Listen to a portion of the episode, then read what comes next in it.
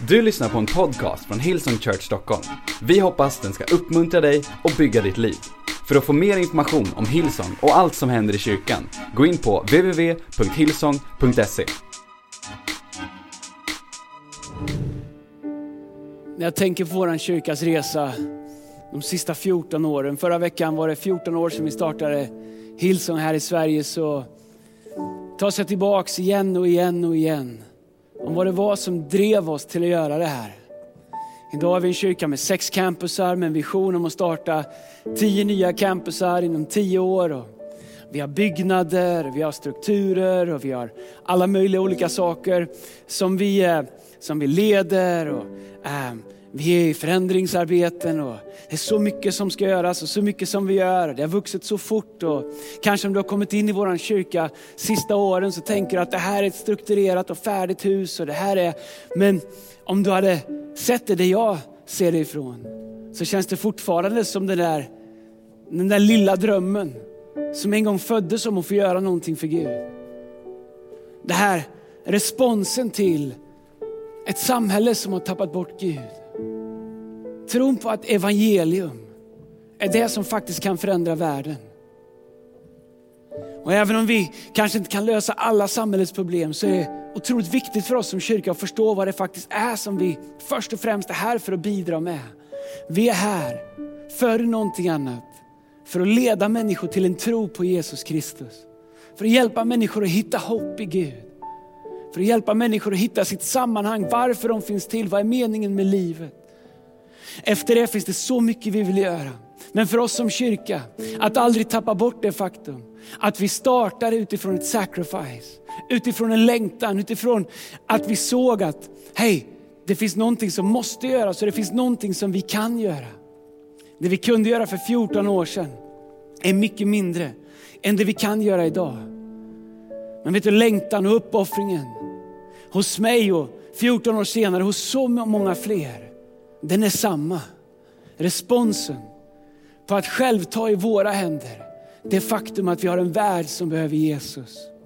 Att vi har en generation som växer upp som behöver få upptäcka att de är skapade av Gud med mening att deras värde kommer inifrån. Att kunna hela en brusten värld genom evangelium, genom en relation med Jesus. Det är vårt uppdrag. Vi ska ha de bästa lokalerna, vi ska ha fler lokaler, vi ska ha de bästa programmen, vi ska leda i alla olika områden i samhället. Det är vår ambition, men mer än någonting annat och före någonting annat vill vi hjälpa varje människa att hitta en relation med Jesus och växa och upptäcka sitt eget uppdrag. Det är vår kontinuerliga respons tillbaks till Gud. I första Moseboken kapitel 4 så står det om Kain och Abel, Adam och Evas söner. Och det står så här i, i ett sammanhang där, där de skulle offra till Gud. Det står så här i första Mosebok kapitel 4, vers 1. Adam låg med sin hustru Eva och hon blev gravid och födde en son som fick namnet Kain. För hon sa, med Herrens hjälp har jag fått en människa. Hennes nästa barn var Abel, Kains bror. Abel blev herde, medan Kain blev lantbrukare. En gång kom Kain med en del av sin skörd av frukt som offergåva till Herren. Också Abel kom med de feta köttstyckena från sitt, sina förstfödda lamm. Herren såg med välbehag på Abel, Abel och hans offer, men inte på Kain och hans offer. Detta gjorde Kain vred och han sänkte blicken. Varför är du så vred? frågar Herren. Varför sänker du huvudet? Om du gör rätt är du accepterad, men om du inte gör rätt så lurar synden vid dörren. Synden åtrår dig, men du ska råda över den.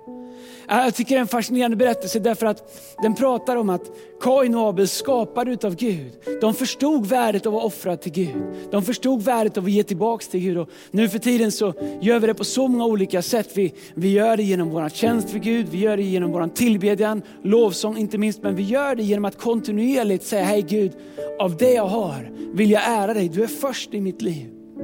Så tar Kain som en lantbrukare, han tar lite morötter, han tar lite blomkålshuvuden, han tar lite av vad han har. Han säger Gud det här får duga. Men det står att Abel, han tar ett av sina förstfödda lamm. Man vet värdet av det förstfödda. Man vet vad det förstfödda representerar. Jesus var Guds förstfödda son. Abel han tar någonting som var värdefullt för honom. Han ger det till Gud. Han säger Gud, det här är värdefullt för mig. Därför så vill jag offra det till dig. För att visa dig hur mycket jag värderar dig. För att visa dig hur mycket jag älskar dig. Det står att Gud välsignar Abels offer men inte Kains. Varför välsignar han inte Kains? Vad, vad gillar han inte Kain? Jo han gillar Kain men du förstår, det Kain gav var inget offer. Det betydde ingenting, det var leftovers. Så står det att Kain sänkte huvudet och Gud frågar varför sänker du huvudet? Det är någonting med oss när vi börjar leva för oss själva. När vi slutar lyfta våran blick och se hur vi kan vara en del av den stora berättelsen, hur vi kan vara en del av Guds plan och hur vi faktiskt tar det personligt och låter det ha en påverkan på våra liv, hur vi lever våra liv och, och vad vi ger och vad vi offrar. Kain sänkte sitt huvud, vilket gjorde, när vi sänker våra huvuden, vi slutar se. Vi slutar se behov, vi slutar se våran roll i det, vi slutar att se Guds intention att vi ska ha en roll i att skapa förändring och faktiskt göra saker. Jag älskar, vi ska fira nattvard alldeles strax.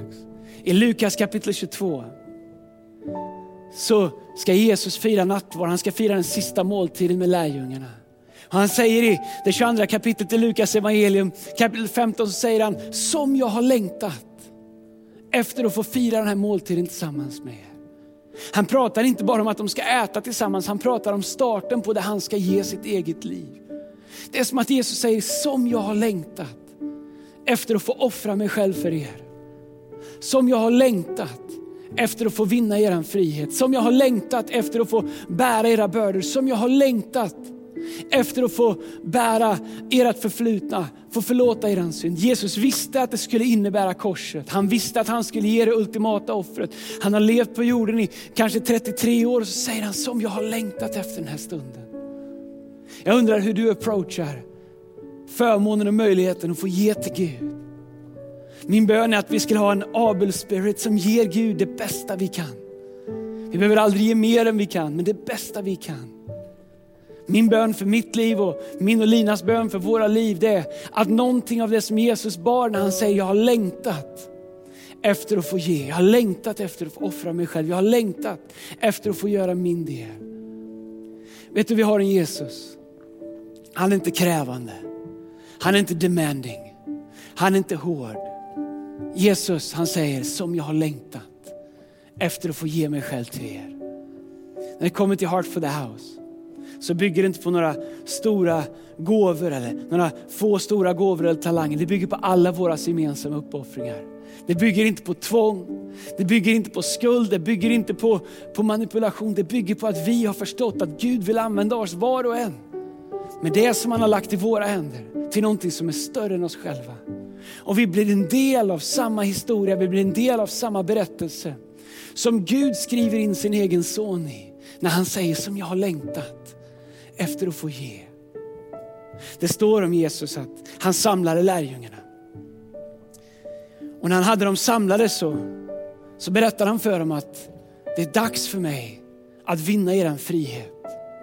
Han säger, jag måste ge det ultimata offret. Jag måste göra den ultimata uppoffringen så att hela världen ska få frälsning, hela världen ska få frihet. Vet du evangelium, det har aldrig varit någonting som sker långt borta och som en gång förhoppningsvis når människor. Evangelium har alltid letat efter kärl. Evangelium har alltid letat efter kanaler. Evangelium har alltid gjort anspråk på dem som har fått del av det till att föra det vidare. Och så gör Gud med oss också. Han bjuder in oss och gör anspråk på oss att vara med och vara delaktiga i det som Jesus startade. Nu har Jesus samlat sina lärjungar och han säger, jag måste offra mitt liv, jag måste ge mitt liv för hela världens frälsning. Och så börjar han berätta för lärjungarna, han säger att eh, han tar ett bröd och han säger, det här är min kropp. Det här är en representation, det här är en liknelse. Han liknar sin kropp vid ett bröd. Han säger, jag måste gå sönder. Varför? För att världen hade gått sönder. Han säger, jag måste gå sönder. Så att jag genom att jag går sönder, genom att jag dör kan uppstå och ge nytt liv till det som är trasigt. Och så säger han, varje gång ni tar del av brödet så får ni del av det faktum att jag vann helhet, jag vann frälsning, jag vann helande. Och så säger han, genom mina sår, genom att jag tog allt på mig, så har ni nu löfte och tillgång till helande.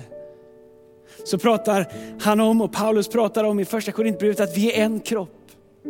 Och han säger varje gång vi äter av brödet så påminner vi oss om att vi kommer ifrån samma kropp, vi hör samman. I en värld som är mer trasig och brusten och separerad än någonsin, mer segregerad än någonsin. Så varje gång vi firar nattvard i en trasig värld, i en brusten värld, där det finns mycket kvar att göra, så påminner vi oss om att helandet för våran värld är att vi inser att vi är ett i Kristus. Han går vidare, så tar han bägaren, han häller upp ett glas. Så tar han det och han säger, det här är det nya vinet i Kristus. Varje gång ni dricker det här så gör det som en påminnelse av mig. Han pratar om det som sitt eget blod, att det här representerar, det här blir inte hans blod som en del tror. Vi tror att det här är en symbolisk Manifestationen, symbolisk liknelse där Jesus säger, det här är det nya förbundet i Kristus. Och så läser vi i Hebreerbrevet hur Jesus själv betalar för hela världens synd med sitt eget blod. Och genom honom så får vi ett nytt förbund där vi för evigt har fått rättfärdighet som en gåva. Han säger varje gång ni dricker av det här, påminner om syndernas förlåtelse, påminner om barnaskapets ande, påminner om att ni hör samman med mig i det nya förbundet. Vi ska fira nattvard tillsammans. Och jag ska läsa ifrån eh, första Korinthierbrevet kapitel 11. Instiftelseorden som Paulus skrev till kyrkan i Korinther. Han skriver, detta har jag själv fått från Herren och för det nu vidare till er. Den natt då Herren Jesus blev förrådd så tog han ett bröd och han tackade Gud för det. Han bröt det och sa, detta är min kropp som ska offras för er. Gör det till minne av mig. Efter måltiden så tog han på samma sätt bägaren och sa, denna bägaren är det nya förbundet genom mitt blod.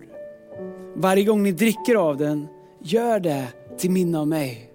Varje gång ni äter brödet och dricker från den bägaren förkunnar ni alltså Herrens död ända tills han kommer tillbaks.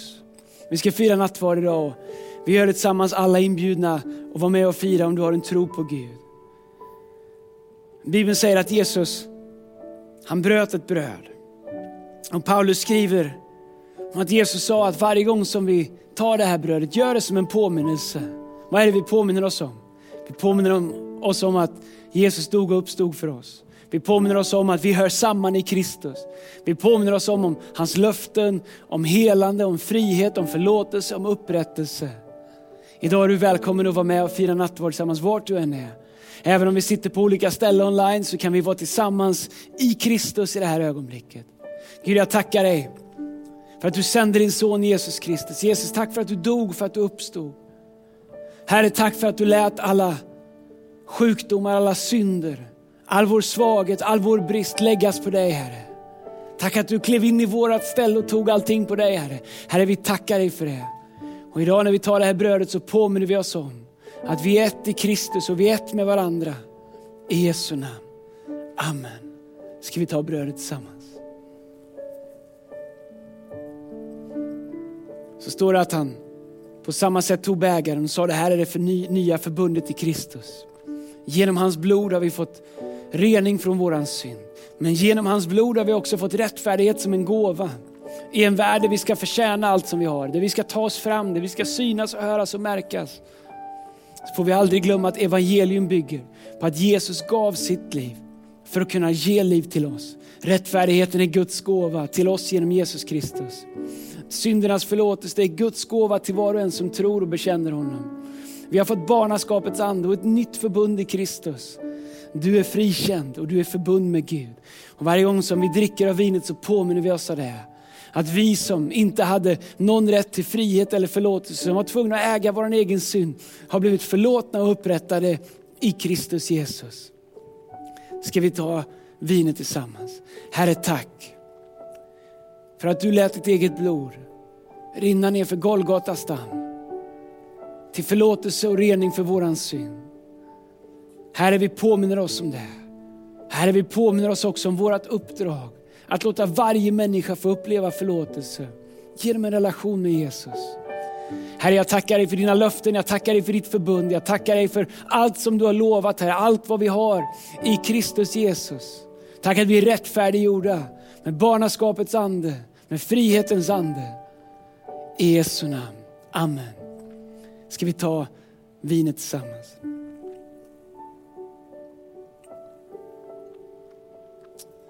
Tack Jesus. Idag är du också välkommen att vara med i årets Heart for the House. Vår kyrka har aldrig byggt på några få människors stora gåvor eller talanger. Utan på att vi var och en gör allt det som vi kan för att tillsammans vara en del av att möjliggöra det som Gud har kallat oss till. Jag skulle vilja uppmuntra dig att vara med. Gå in på hilson.se och klicka på Heart for the House. Där kan du se hur du kan vara med och ge din gåva, ditt löftesoffer. Eller kan du skicka en gåva via Swish eller via Bankgiro. Min bön är att du skulle vara med. En del för första gången, en del som har varit med så många gånger. Låt oss tillsammans hålla fast vid vad Gud har kallat oss till och fortsätta bygga den här visionen och bygga det som Gud har kallat oss till. Jag är övertygad om att vi kommer se Gud göra mirakler i Jesu Kristi Nazarens namn. Du har lyssnat till en podcast från Hillsong Church Stockholm. Om du vill veta mer om vår kyrka eller om våra söndagsmöten, surfa in på www.hillsong.se.